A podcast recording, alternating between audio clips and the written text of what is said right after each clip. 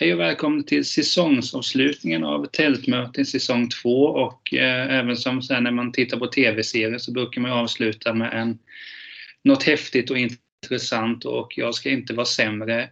Jag har bjudit in Jens Lapidus, du är så välkommen. Tack så mycket. Det, eh, det, det finns mycket att prata om och vi kommer till det men först är jag väldigt, väldigt glad och tacksam att du ställer upp. Tack. Så hoppas jag att du inte ska ångra dig om en timme eller så. Det tror jag inte. Nej. Men eh, är det mycket poddar nu i boksläpp? Ja, det, det är ju det. Det blir mer och mer märker man. Eh, om man jämför med liksom att släppa en bok för eh, tio år sedan så var det ju mycket mer tryckt media och eh, en och annan tv-soffa. Men de senaste åren så är poddarna väldigt det är det jag, nästan jag gör mest faktiskt i samband med boksläpp. Men eh, lyssnar du mycket poddar och så privat eller?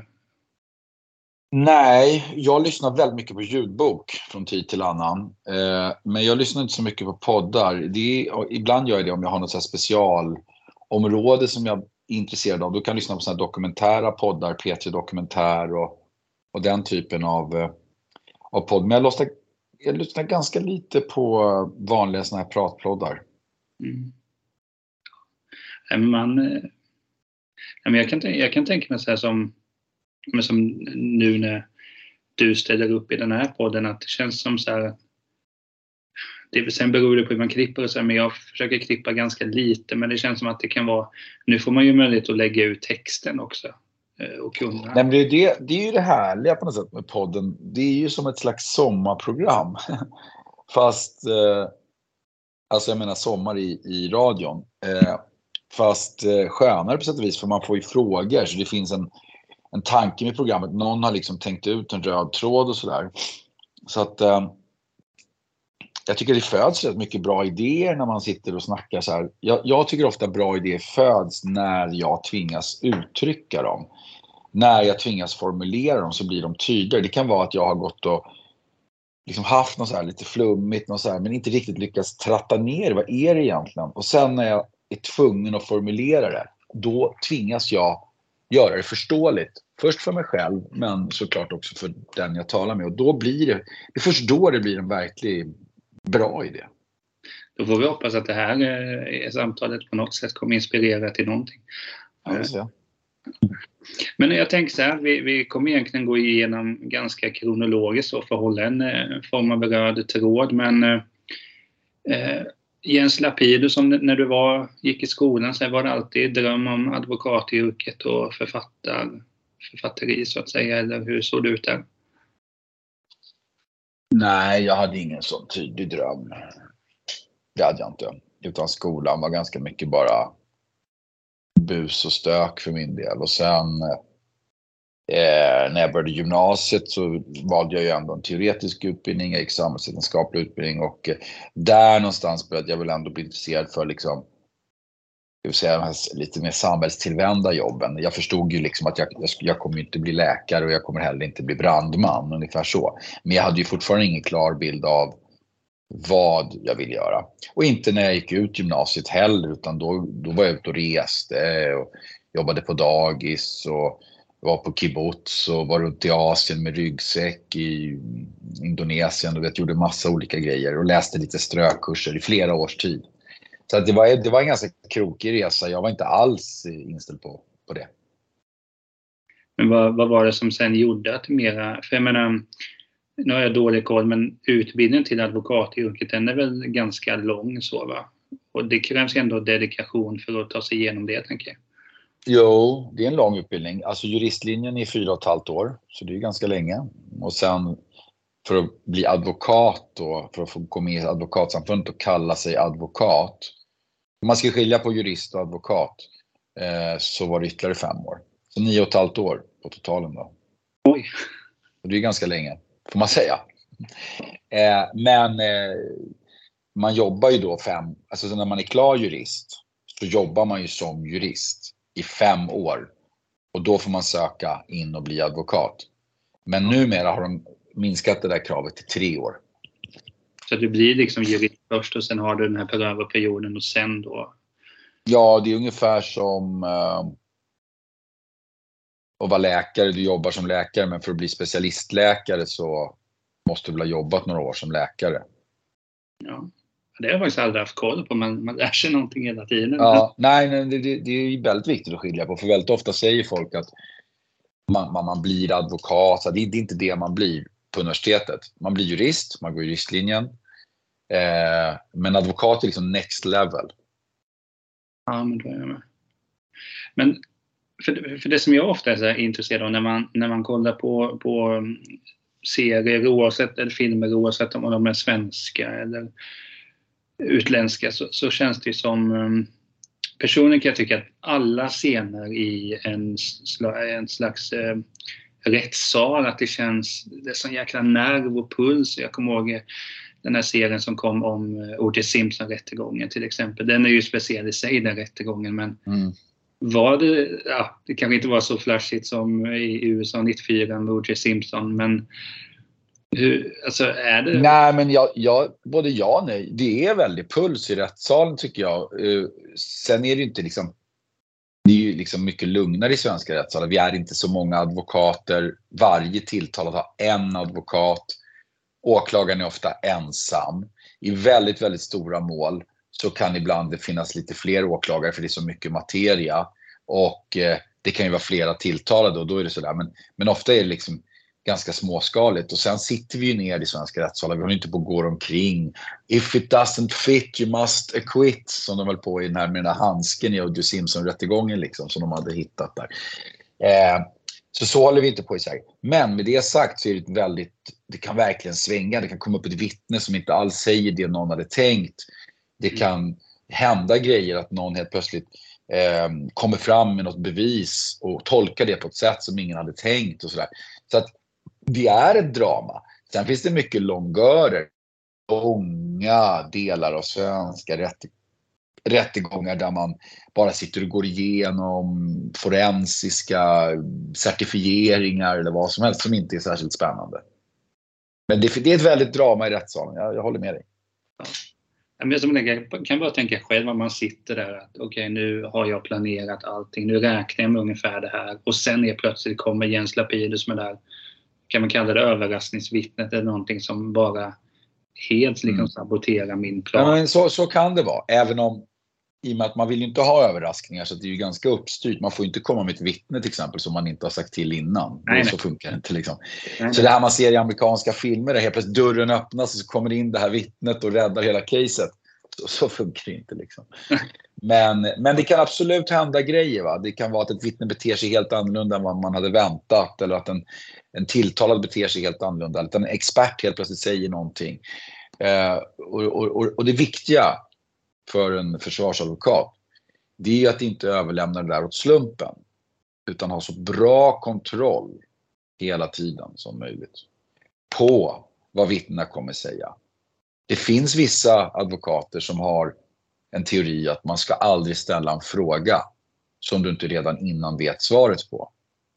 Jag höll inte på den teorin stenhårt, för ibland måste man pusha dig lite och ställa den där frågan som du inte vet svaret på. Eh, för klientens bästa. Men allt som oftast så ska man inte göra det, för det är farligt att ge sig ut på djupvatten.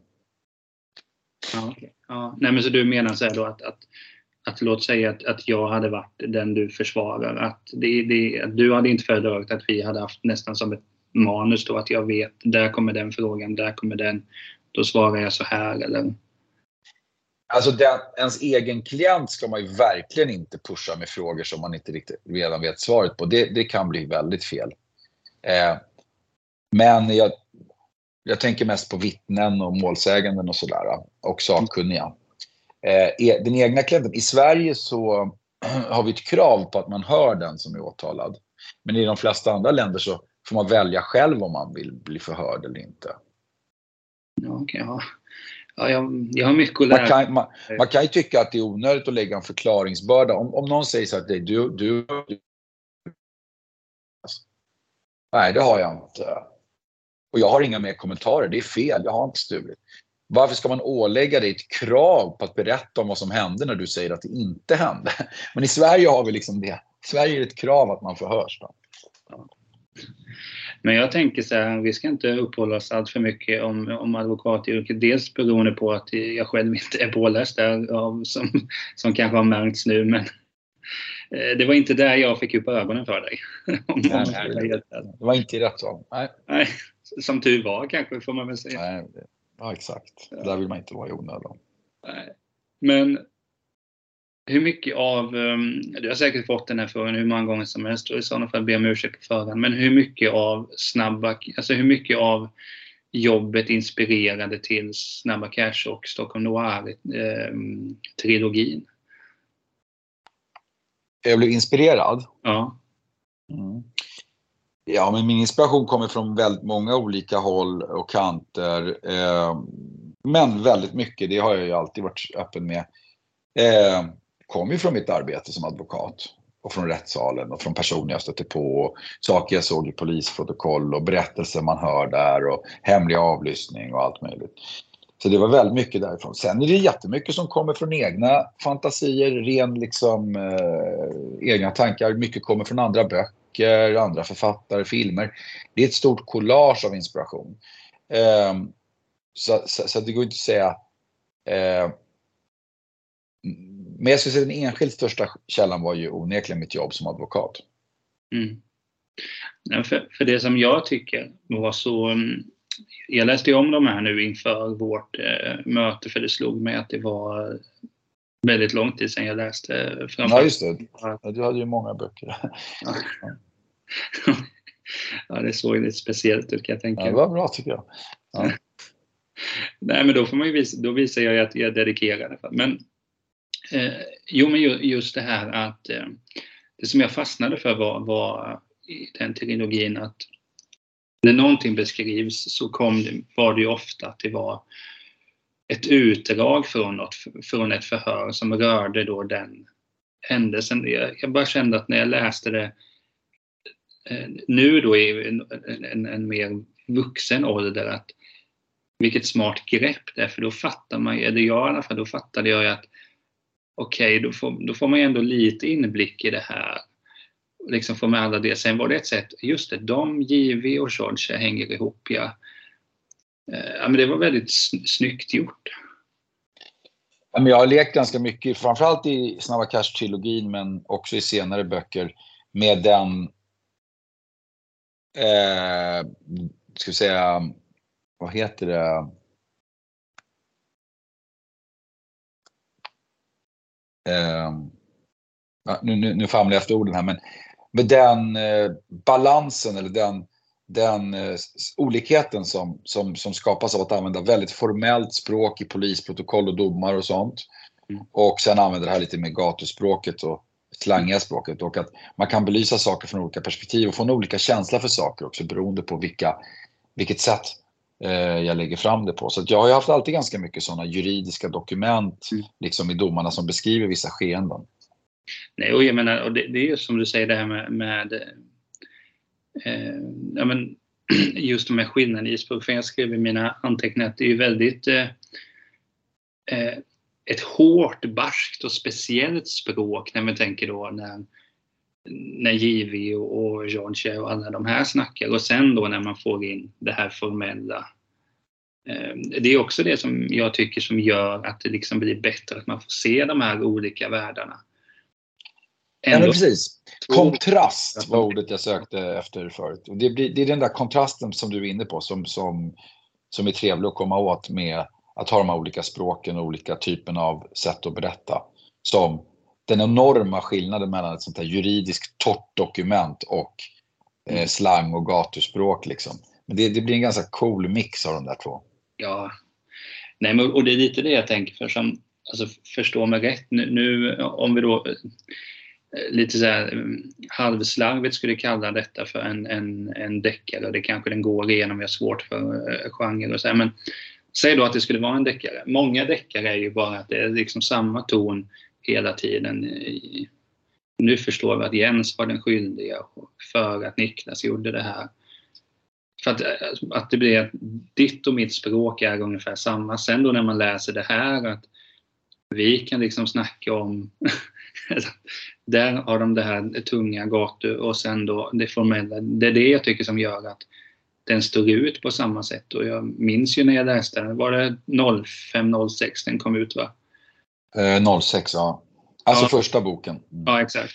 Då var jag 16 år. Jag fattar ju varför jag gillade den då och varför jag fortfarande gillar den nu 17 år senare. Ja, nej, men det, det är en eh, språkfråga. Det är också en fråga om perspektiv, eh, lite det du är inne på. att Nej, men, eh, många svenska mer traditionella deckare de, de använder det perspektivet att huvudpersonen är ofta någon som utreder ett brott och det är framför allt det perspektivet vi får även om vi ibland får vara inne i andra karaktärers perspektiv också. Och en person som utreder ett brott, den står ju egentligen alltid utanför brottet. Den är inte utsatt för brottet och den är heller inte den som begår brottet. Den är egentligen inte i den världen där brottet sker, utan den, den liksom följer ju efter spåren mer.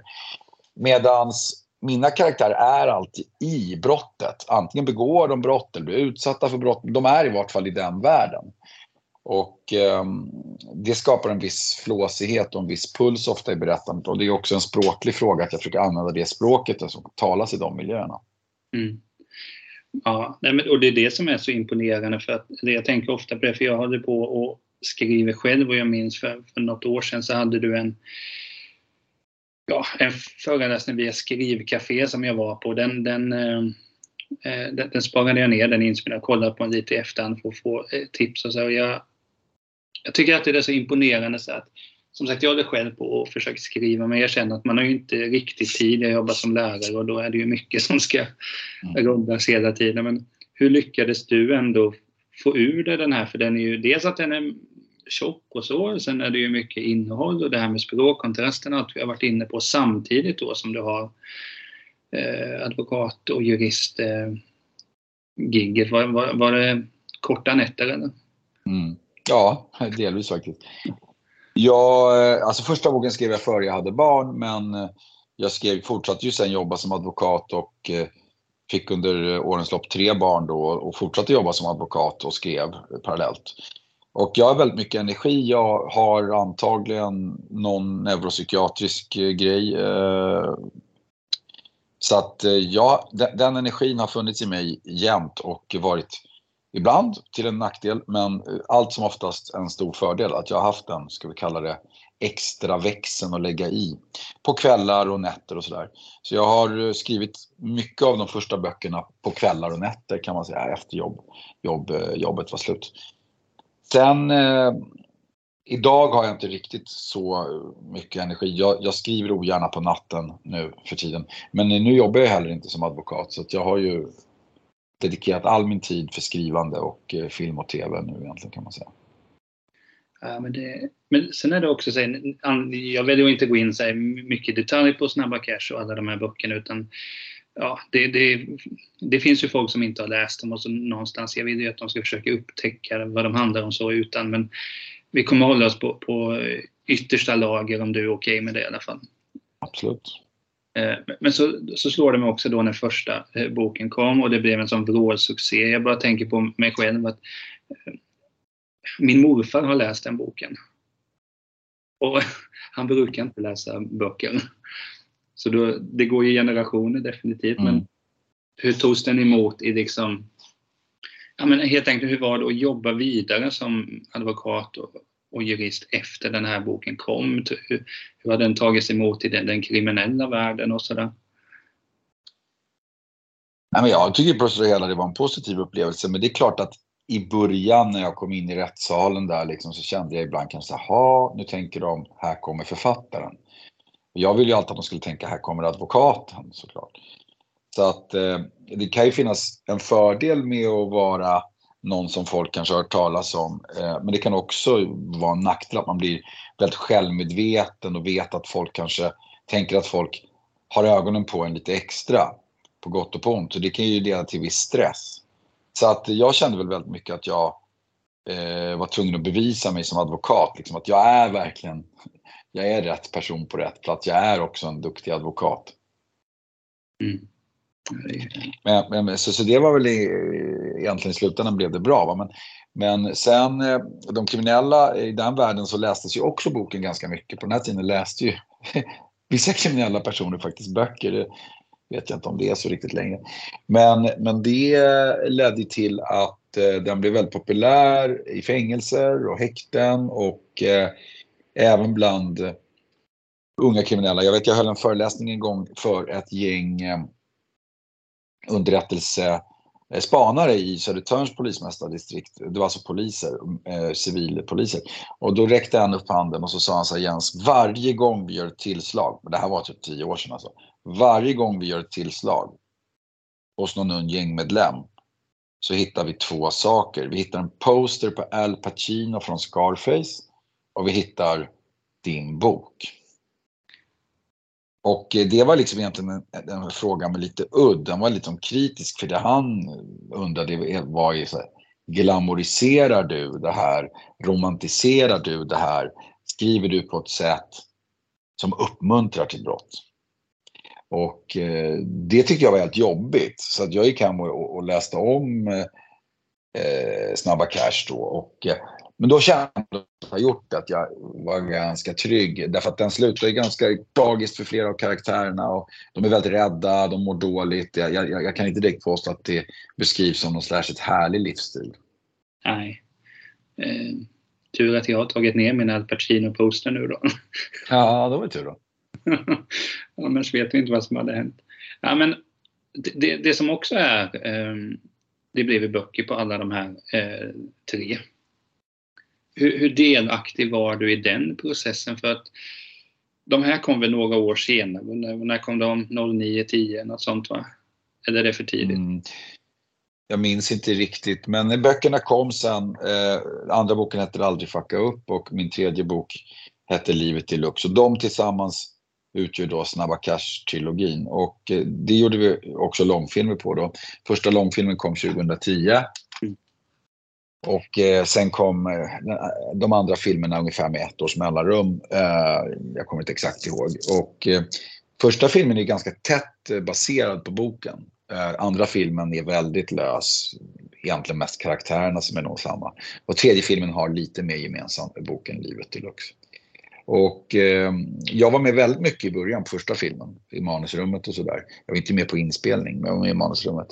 Och eh, och sen, sen tyckte jag den filmen blev så väldigt bra så, så jag fick väldigt stort förtroende för de som var på teamet så att jag var inte alls med lika mycket på andra och tredje filmen.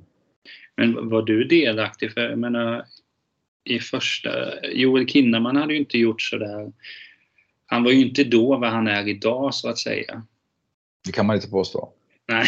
Eh, ja, nej men jag kommer ihåg eh, jag skulle faktiskt få en cameo. Jag skulle få vara med, vet, sådär som Tarantino och Hitchcock är ibland, eller Stan Lee, att man får synas lite. Så, så jag, jag, de skulle spela in en stor festscen på Café Opera i Stockholm. Så jag går dit och ska få vara min cameo.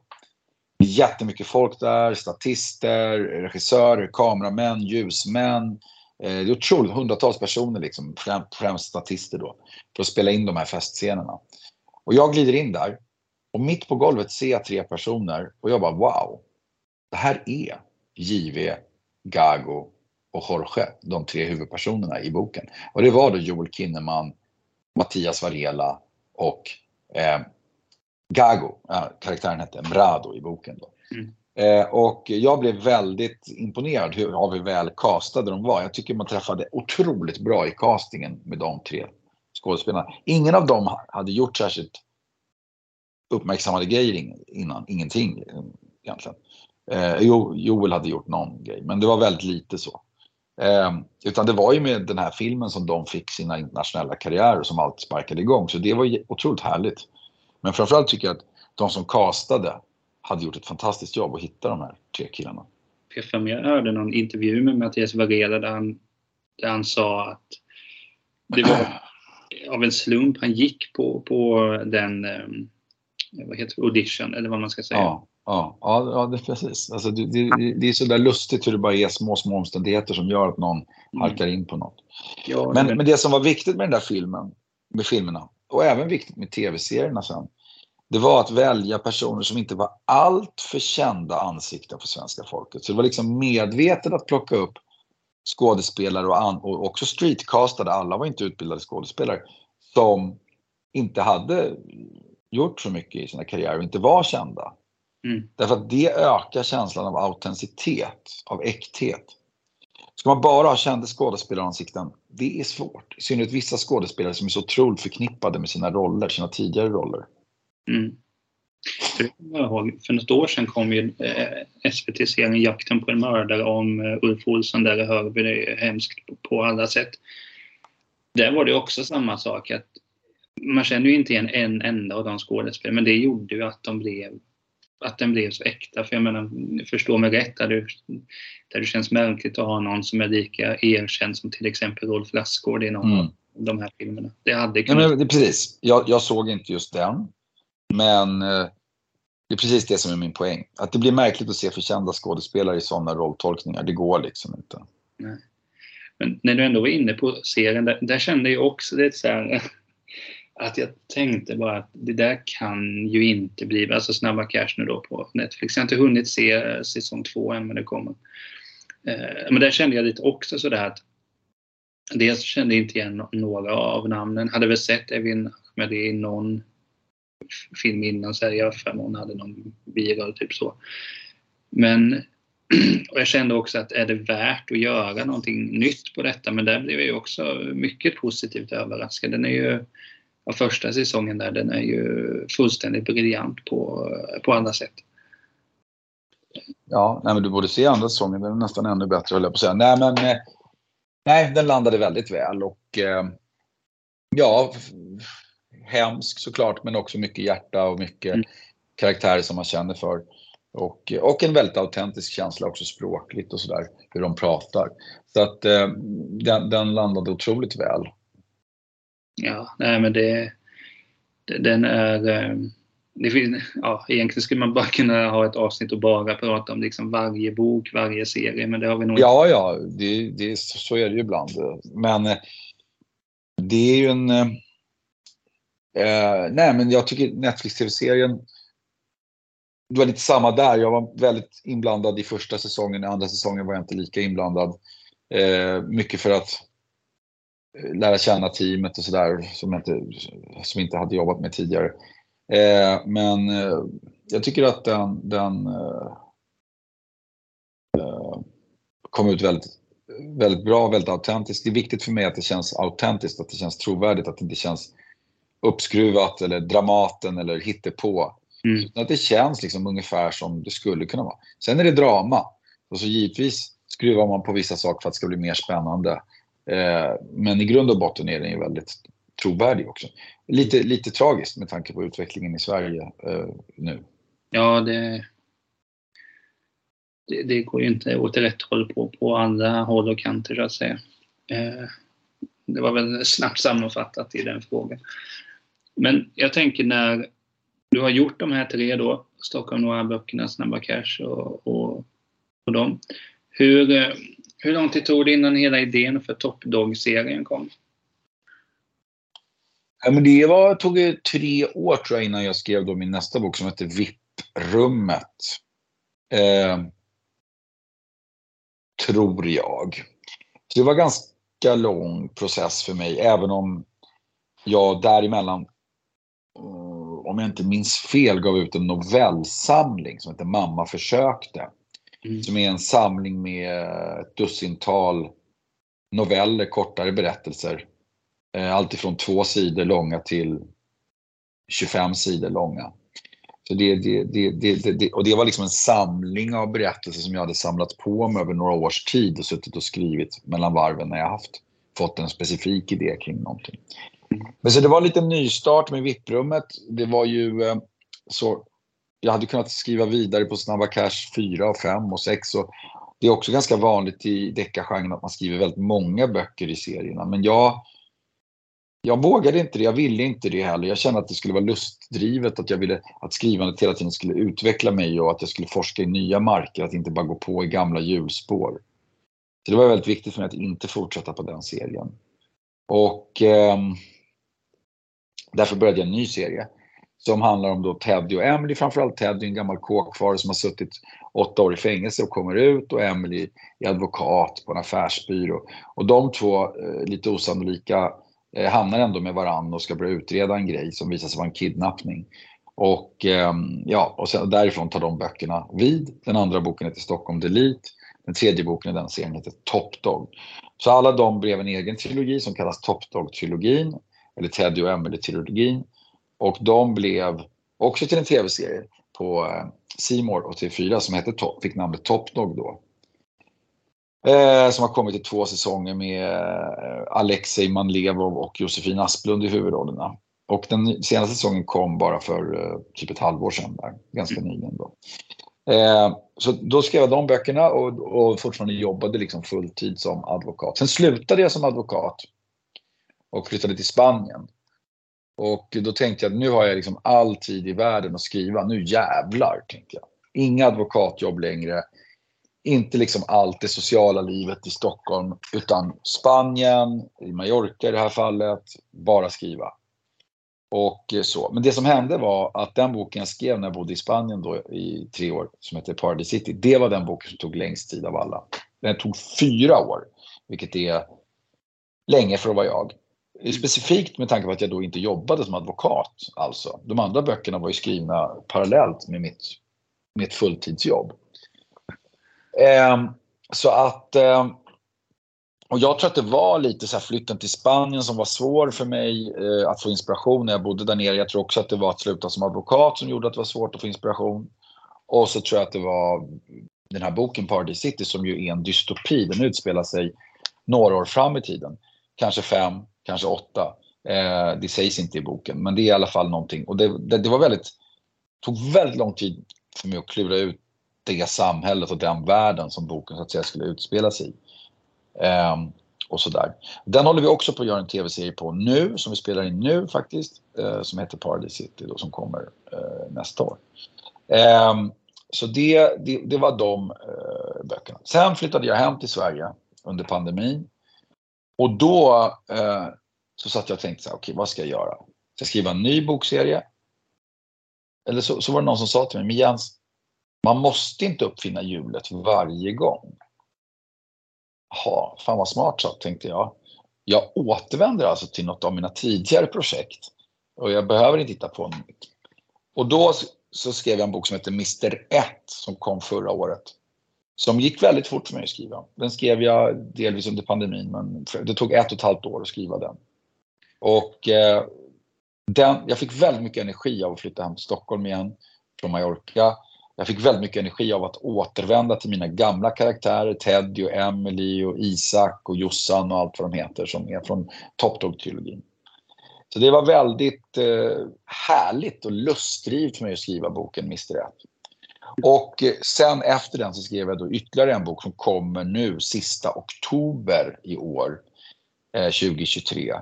Eh, alltså om några veckor, som heter Död Man Walking, som är en uppföljare på Mr. 1 och så alltså del 5 kan man säga i Teddy Emily-sviten.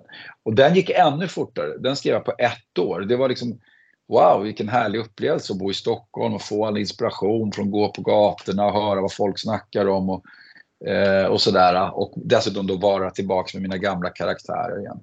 Så det är min senaste bok som kommer här om, om några eh, veckor. Mm. Men vi, vi, vi, tänker så att när det här avsnittet kommer ut är det första november så då eh, kanske man kommer komma en, eh, en bit i dem.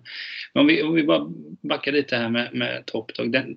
det som jag tyckte var intressant var att den här skillnaden i språket om man jämför Top Dog, de tre första då, och eh, snabba, eh, Stockholm Noir-serien. Var det, ett, var det ett medvetet grepp att du tänkte det att det är ju fortfarande hårt språket och så aggressivt men det är lite mer nedtonat. Det var medvetet, ja precis. Det är ju, man kan säga att det är exakt så som du beskriver det. Det är fortfarande mycket slang och snabba korta meningar och ganska brutalt språk. Men det är ju betydligt mer likt vanlig prosa om jag kallar det för det. Då. Mm. Eh, det där var, har två skäl tror jag. Det ena är att jag har blivit äldre. Så jag skriver på ett annat sätt. Jag utvecklar mitt sätt att skriva. Det andra var ett väldigt medvetet val eh, som har att göra med karaktärerna. För ofta vill jag att språket ska reflektera karaktärerna. Så om jag har en ung gängkille som är en huvudperson, då kommer språket i de kapitlerna vara hårdare, tuffare, mer slang. Medan alltså, om jag har en advokat i 35-årsåldern, eh, då kommer också språket vara mer anpassat till hur, hur en advokat uttrycker sig och tänker. Eh, och så språket säger väldigt mycket om karaktärerna och jag försöker liksom anpassa formen efter innehållet på det sättet så att det ska gå hand i hand. Så det, det, var ju ett medvetet val och framförallt de kapitlen som kanske rör Emily eller um, Eh, så kommer språket vara hyfsat, eh, ska vi kalla det, vanlig svensk prosa. Eh, även om alla författare har ju sina egenheter och sådär. Medan i kapitel som kanske handlar om eh, Nikola eh, så kommer det vara lite tuffare och hårdare. Ja, det får man, det får man ju säga. Men hur kom inspirationen till, till för någonstans tänker jag att om, om, om jag då hade skrivit Stockholm Noir, då hade man ju fått bara känt att okej, nästa jag skriver, det måste ju vara minst lika bra. Minst i alla fall. det, ja, men man, man, man, måste ju gå på lust och det som känns bra. Det, det där är ju väldigt farligt. Jag tror framförallt efter min första bok, Snabba Cash, så tyckte jag det var asjobbigt att komma ut med andra boken. För att när man har skrivit en sån som har blivit så uppmärksammad som min första bok blev så kan det nästan bara bli sämre på något sätt. Det är som här, en puckel man måste över. Men eh, så där, jag har försökt så mycket som möjligt att inte tänka så mycket på läsarna utan försöka tänka på vad jag gillar och vad jag liksom får driv av och skriva vad jag går igång på. Mm. Men det är klart att tankarna är där ibland. Åh, jag måste skriva så här eller jag måste komma på något helt nytt och så här. Men det viktigaste tror jag är att skriva det man själv vill läsa, det, man, det jag själv går igång på, det jag själv finner liksom en uh, njutning av att skriva. Mm. Men hur föddes inspiration, hur, hur kom inspirationen till de här karaktärerna i Top Dog och att, nu, att det i huvudsak är, vad ska man säga, det var det ju i de andra också, men att, att Teddy och Emily som är ganska uttalade huvudrollspersoner och de är från olika advokat och gängkriminella. Ja, jag kommer faktiskt inte ihåg exakt hur jag fick inspirationen till dem. Men jag, lite som jag sa det tidigare, att jag använder alltid olika collagemetoder. Jag samlar in böcker, filmer, tv som jag läser, saker jag hörde i jobbet som advokat och eh, karaktärer, människor, verkliga människor jag stötte på. Och så blandar jag det där och så kommer det upp idéer. Men jag vill ju ha två karaktärer som var väldigt olika varandra, som representerar två väldigt olika världar. Lite mm. som i i vissa filmer där liksom två väldigt olika personer är tvungna att samarbeta. Tänk Bron eller eh, tv-serien eller, eller 48 timmar. Där man har en som representerar, liksom, i det här fallet då Teddy som är liksom jättekriminell har han varit, liksom yrkeskriminell, han har levt hela sitt liv i den miljön. Och sen har du Emily som eh, kommer liksom från Jönköping och jobbar på finaste, finaste advokatbyrån i Stockholm. Det är en helt annan miljö. Mm. Ja, Bibelbältet och gatan i Stockholm, det är lite olika saker. Ja. På Just att de kommer från Jönköping är inte så stor eh, Mm. betydelse i böckerna, men det är mer det att hon jobbar på fin advokatbyrå och är liksom, befinner sig i den världen kan man säga. Mm. Nej, men det är samma där som, som jag tycker är så imponerande och, och kul också.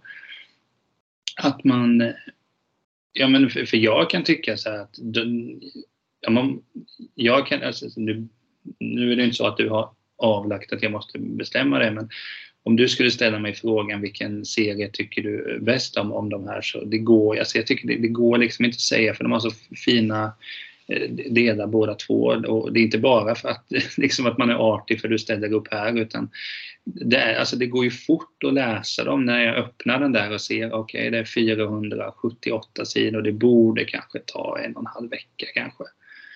Oj, det tog ja, du är snabb. Ja. ja, men typ, nej men jag har inga barn heller så. Nej. nej, men jag menar det, det är, så... Nej, men det, det, har jag hört från flera läsare. Så att man, man, det är mycket driv. Jag jobbar mycket med cliffhangers. Jag jobbar mycket med ganska kraftiga eh, händelseutveckling. Så här. Det är ju inte så drivet av en gåta som i många, men det är däremot väldigt drivet av karaktärernas liksom, handlingar hela tiden. De gör saker mm. för dem framåt. Ja, ja men så är det. Sen, det slår mig alltid varje gång eh, när eh, när jag tittar på, eller när jag läste Stockholm Delete så minns jag bara det är ett sidospår men Eller ska vi kalla den eh, STHM Delight? Eller vad, vad, nej, nej, Stockholm Delight, det är så jag säger i alla fall. Jag har haft så kul åt, åt det klippet. Sen kan man ju förstå när det var där hos von, Malou von Sivers så det var lite svårt att uttala Delete eller hur det nu Ja, var det hon som sa så? det har jag glömt bort. Ja, det var kul. Just det. Ja, men det var ju så tydligt. Alltså, jag kommer ihåg jag satt och kollade på, på TV och sen bara Ja, den heter ju då STHLM Delight. Ja, just det. Ja, det var inte lätt. Nej. nej jag, tyvärr, eh, jag väljer lite svåra titlar ibland. Jag vet, eh, Party City säger många Paradise City. Det är förståeligt för det är liksom ett begrepp på engelska och finns en känd låt och så vidare. Eh, men det ska vara Paradise City. Och Stockholm Delete, som du säger, det har sin, sin grej. Och Top Dog valde jag att stava då Top Dog med två G Eh, för att det skulle kännas svenskt. Men faktum är att det, det, funkar liksom inte. Det blir bara knasigt. Så att, nu har jag ändrat det till, inte på omslaget, men på, när, när boken omnämns så kör vi Top Dog med ett G. Mm. Jag kom bara att tänka på Snoop Dogg. Han stavade med dubbel ja. början. Han kan ha gjort det någon gång. Ja, det var nog där. Han 15 gånger också visserligen. Men, men det var en sak jag noterade. Eh, att de, de, de första böckerna är ju, är ju från Wahlström och Winstrand, heter de va? Widstrand. Just det. Mm. Sånt byte när man byter bokförlag, alltså hur går det? Är det ungefär som en, en jag tänker mig så här, fotbolls, när man byter klubb i fotboll bara att, eh, ja men nu Ja, det kan det kanske vara. Jag vet att det för många är ganska viktigt sådär vilket förlag man ligger med. Men för mig skedde det nästan helt osynligt. För att vad som hände var att jag låg på Wistrand och hade min förläggare där på Wistrand. Sen slutade hon och började på ett annat förlag. Och då sa de till mig så här, men du, du kan få välja, du, du vill välj förläggare från hela Bonniersfären. Mm.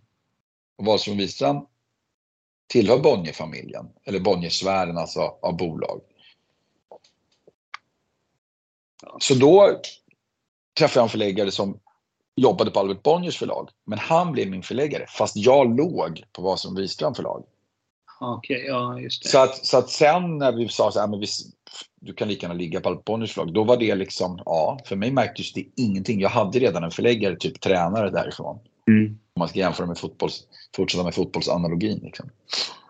Nej, men det var bara, det bara slog mig. Jag brukar alltid tycka sånt är intressant och liksom titta själv i mm. boken vilka böcker ja, men det, ja, det är intressant att du säger det, för de allra flesta läsare, de ger ju blanka katten i eh, vilket förlag någon ligger på och har liksom ingen riktig aning om det. Men det är riktigt som du säger, det kan vara en stor grej eh, när en författare har bytt förlag. Det kan tyda på massor med saker och det kan utveckla författaren. Helt plötsligt får den ett helt nytt team runt omkring sig med ny redaktör, ny förläggare. Och det kan betyda jättemycket. Men just för mig var det inte det, för jag hade liksom redan min närmsta person som jag jobbar med var redan från det där förlaget. Och sen eh, fortsatte jag ändå och sen efter några år så sa jag, men då kan det lika gärna stå det där förlagets namn på mina böcker. Liksom. Ja. Och då när de ändå någonstans liksom ingår i samma... De gick ju i samma bolagssfär liksom. Ja, då är det väl bara en, ja, en symbol egentligen. Om man ska... Ja, det, det, för mig det viktiga är vilka människor jag jobbar med. Ja. Och, och, och, och, i övrigt är det där bara som en liten krumelur på boken, en symbol liksom. Nej, men för jag minns för några år sedan när Claes Östergren, det var väl i samband med att Renegater gavs ut, då gjordes det en jättestor grej att han hade bytt eh, bokförlag. Jag vet att det där är, jag säger det, det kan vara en stor grej och för många är det en stor grej. Markering, jag byter från det här till det här. För mig, för mig var det inte det. Inte den här gången i alla fall. Böck, bara böckerna blir, blir, blir, blir lästa, tänker jag. Ja, men verkligen. Nej, men, och det är också det lite som, som jag kände när jag läste eh, Top Dog nu. Eh, det tredje heter ju mm, nu står det, alltså det står ju stilla. Uh, den tredje heter Top Dog. Det är Vittrummet, Stockholm Delete och Top Dog i den trilogin. Just det. Men du var ju lite inne på det fortfarande, eller tidigare, och jag tänkte ju på det att förstå mig rätt här nu, hade de bara varit de här tre i Top Dog i böckerna det hade ju inte gjort någonting för jag tyckte ändå att det slutade liksom på ett, ja, men ett sätt som man absolut kan respektera. Absolut. Nej, men jag hade nog inte tänkt. Jag hade tänkt. Det var en avslutad berättelse. Jag grät ju inte floden när Mr 1 kom. Det, det gjorde jag ju inte. Jag inte säga. Nej. Nej, men det var en avslutad berättelse. Sen, sen öppnade jag upp den berättelsen igen. jag tänkte så som du säger att det var avslutat. Men vad, vad, vad, kan du säga om eh, den här nya som då är aktuell när det här avsnittet kommer, Dead Man Walking? Nej, men den tar ju vid där Mr 1 slutar då. Eh, och den handlar om Teddy och Emily. Den handlar också om eh, Emelies kamrat Josefin som har varit advokat men nu har börjat syssla med ganska shady grejer. Och eh, även eh, en karaktär som heter Max som eh, finns med i kulisserna i Mr Rätt och som är en ung gängkille som sitter inne på sånt där SIS institutionshem. Han är dömd där för grov brottslighet. Så boken handlar ganska mycket om situationer som vi läser om mycket i tidningarna nu. Bara hur jävligt det är att vara ung kille i sån här gängmiljö, liksom, hur tufft han har det. Den handlar om föräldraskap. Eh, men den handlar också om eh, säga, lojalitet och eh, eh, vad man är beredd att göra för att kan man säga, rädda en annan människa på olika sätt. Mm. Nej, men, och det tänker jag också lite så här nu när vi eh, pratar om det att idag när man läser på tidningar, eh, är det tidningar och lyssnar på poddar, nyheter och sådär. Det är ju ingen jätte... Alltså, sen Snabba Cash kom jämfört nu då med Död Man Walking här, det är ju en jäkla skillnad som har hänt i samhället har det ju blivit. Det, det går ju inte att sticka under stolen med, men och det märker man ju som vad ska man säga, när du skrev Snabba Cash så tänkte man ju ändå så här jag är ju från Hudiksfred och där kände man ju, det där är mer en storstadsgrej. Så. Mm. Idag skulle det ju likväl kunna hypotetiskt sett vara i Hudiksfred. Mm. Kanske inte liksom i den stora bemärkelsen såklart i och med att det bor mycket färre människor där än i Stockholm. Men... Nej men det är ju såklart så att det har varit böckerna på något sätt nästan är profetiska. Det är obehagligt tänka sig, men att det är mycket av det som de här böckerna beskriver som kanske fanns i, i Stockholm i en, i en viss grupp, eh, det har blivit något som vi alla känner till och som har växt något enormt i Sverige. Våldet, knarkhandeln, gängen, organiserad brottslighet på olika sätt eh, och så vidare. Så det är ju liksom så böckerna försöker hela tiden vara termometrar. Jag försöker hela tiden ta tempen på vår eh, samtid och vad som händer. Mm. Och därför blir de också lite så. Går man tillbaka och läser flera av de här böckerna så kommer man se att en del av det som händer nu liksom finns där nästan som förutsägelser. Mm. Det, det vet man ju bara. Så, som sagt, jag bor i Kalmar, jag bor i Kalmar nu och jag menar det, det har ju varit jättemycket nu med gängrättegångar och så här också så det är ju... Ja. Tyvärr. Ja, nej men verkligen. Verkligen. Det är... Um det finns i alla svenska städer. Mm. I olika omfattning. Ja. Nej, men, eh, så här, visst, det kan ju inte, du och jag kommer inte komma på någon lösning här nu, men vad, vad, vad tror du det beror på, liksom den här, vad ska man säga, den, den här utvecklingen som har varit de senaste åren, för nu är det ju, du har ju säkert fått den frågan många gånger, men det är så extremt utbrett numera. Liksom det... Ja. Det, det, det, det är ju the million dollar question såklart som, som folk frågar sig. Det finns ju massa olika skäl och orsaker. Det går inte att peka ut Nej. någon enskild eh, faktor. Men mycket beror ju på misslyckad integration naturligtvis. Att människor inte har förmått eh, eller inte känt att de har en möjlighet att komma in på arbetsmarknaden eller i skolsystemet eller i svenska samhället. Eh, mycket beror på skolpolitik, som att vi misslyckas med att fånga upp de här barnen när de är små. Mm. Eh, socialpolitik, eh, också att man måste hjälpa de här familjerna och ibland kanske ta barnen från familjerna. Det har ju varit mycket protester mot det, men om inte föräldrarna klarar av det. Mycket av det här kan man se redan när de här grabbarna är unga, så kan man fånga upp det här. Eh, det handlar om såklart en ökade våldsspiraler där gränser förflyttas hela tiden. Mm. Det handlar om gangsterrap och sociala medier som liksom har pumpat ut en slags norm av att det är, man skjuter varandra, det ska man göra. Kommer ni till vårt område och kaxar, då skjuter vi er minsann. Liksom, ungefär så mm. i många texter i de här rap. Så man, det blir liksom som en marknadsföringspelare för den här moralen att det är rätt att skjuta. Um, och uh, det handlar om uh, manlighetsideal som har blivit helt urspårade. Maskulinitetsideal. Att om någon trampar på mig så måste jag svara med våld. Allt annat är liksom att visa sig svag.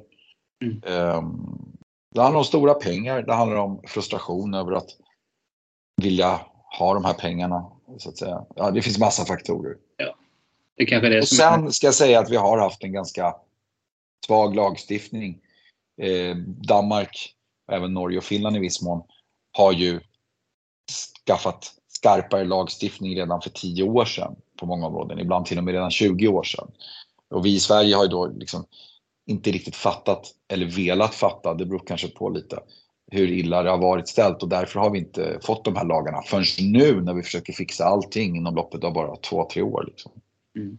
Ja, och jag menar det, det kommer ju såklart bli, bli, bli en jätteklurig fråga och så. Det kommer jag ihåg när du nämnde där skolan. Jag minns när man pluggade till, till lärare. Där, när jag började 06, gick till 10, fyra år. Då var det just någon lärare eller någon en, en, en klasskamrat till mig vars handledare hade sagt bara just som du var inne på att du måste vara beredd att veta att dina elever du har kämpat mycket för, de kommer bli kriminella. Du kommer läsa om dem dödsannonser för tidigt och du vet sådana saker. Och det är det man, man tänker ju inte gärna på det. Jag i alla fall, jag tänker hur det var när man själv växte upp på 90-talet i en liten, litet samhälle i Småland. Att det var ju väldigt, väldigt skyddat. Och var det någon som... Mm. Man, då trodde man att den kriminaliteten som fanns var att man kanske att det var folk som hade snott mat på Hultsfredsfestivalen. Typ. Mm. Det var ju på den. Mm, ja. Och nu är det ju något... Ja. Just det. Ja, men det är ju supersvårt. Det... Nej, men det har spårat ur och det kommer vara en lång resa tillbaka för Sverige. Eh, det kommer ta många år eh, och det kommer krävas väldigt stora åtgärder. Det är nog rätt och riktigt att vi får ett antal skarpare lagar som vi har fått på sistone. Eh, men vi kommer, det, det, det faktiska jobbet, det stora jobbet, det är ju de här andra sakerna med bostadspolitik och skolpolitik och sådär. Därför att högre straff och mer resurser till polisen och olika saker, det är ju ganska retroaktivt. Det är ju redan när brotten har begåtts eller när någon redan har valt att vara kriminell och vi vill spana på den personen eller avlyssna den personen. Men det man egentligen måste uppnå, det är ju att folk inte ens ska hamna i den där kriminaliteten. Ja. Nej, men det är med allting man tänker fritidsgårdar, liksom bättre samarbete mellan skola och andra myndigheter. Och, ja, det är, ja, mycket handlar om myndighetssamarbete. I vissa amerikanska städer och så där så har man ju lyckats pressa tillbaka den här kriminaliteten och, och det, det handlar väldigt mycket om att alla olika krafter i samhället samarbetar, inte bara, att man inte bara lämnar det här till polisen. Utan socialtjänst, skola, kommunerna eh, och engagerade eh, ideella krafter från samhället måste samverka, utbyta information med varandra, ha en gemensam plan och jobba framåt. Mm. Ja, nej men det, liksom, det, finns inte så mycket mer att, att säga om det. Alla ser ju att det är ett jävla problem rent ut sagt.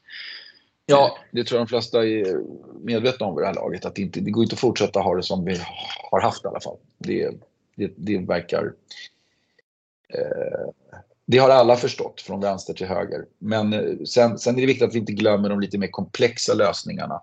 Inte bara pratar om högre straff, fler poliser. Och det har kommit mycket sånt de senaste tre åren, både under förra regeringen och nuvarande regeringen har det kommit väldigt mycket nya lagar på straffområdet. Men jag skulle vilja se någon som presenterar nya förslag på de här andra lite svårare områdena också. Mm. Som förebygger att de här grabbarna ens dras in i det här. Mm. Nej, men jag, jag mm. Nej, men jag ska inte hålla dig så länge mer. Men alla gäster som är med här brukar få en sista eh, fråga. Eh, det är en fråga som alla får oavsett om de har skrivit eh, musik eller jättefina böcker. Men har du några minnen eller vad hör du om, vad börjar du tänka om du hör ordet Hultsfred? Mm, nej, men det är ju Hultsfredsfestivalen som jag inte har varit på. Så att eh, jag har eh, ehm, jag tänker sån musikfestival och eh, Jag tänker tält som det här heter och jag tänker lera och jag tänker en stor scen eller flera scener utomhus och bara eh, väldigt härlig liksom lite så här uh, utomhusstämning på något sätt. Mm. Och jag tänker ungdom. Och jag tänker, eh, av någon anledning tänker jag bandana. Vet inte varför jag kopplar det, men jag tänker så att man har en bandana. Och sen tänker jag eh, jag tänker lite öl och lite Mariana kanske. Så tänker jag. Av dem så vet jag att jag har köpt en och annan bandana där i alla fall. Du har det? Varför du ser det? det var nog mest för att min brorsa gjorde det. Skulle man vara likadan där. Men, nej, men eh, vad, är det någonting du kan rekommendera? Böcker, filmer, serier eller allmänt? Eh, ja, det beror såklart på vad man tycker om. Eh, jag eh, tittar själv just nu på tv-serien The Bear på Disney Plus. Om, den har du säkert sett. Ja. Som jag är på andra säsongen som jag tycker är fantastisk.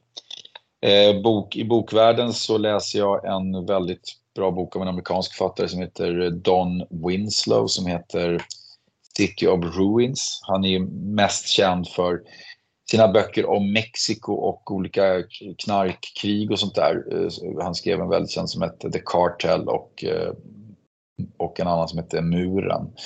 Eh, men den här handlar om 90-talet och en fantastisk bok, episk bok som spänner över många år.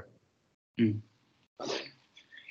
Ja, jag tänker så i och med att, för det här är ju sista avsnittet på, på säsong två, eh, har du någon eh, har du någon gäst du hade tyckt varit hade, eller har du något förslag på någon spännande och intressant gäst till säsong tre?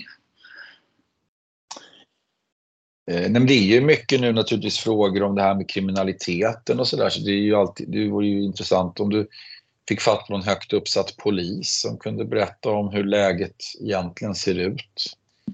Karin Götblad eller det finns ju andra naturligtvis. Det tycker jag vore spännande. Men som sagt, jag känner ändå att eh, det här var en jäkla boom. Man avslutade säsong två med, alltså boom då i speciell och positiv bemärkelse, dubbel-O istället för ett O bara. Ja, just det.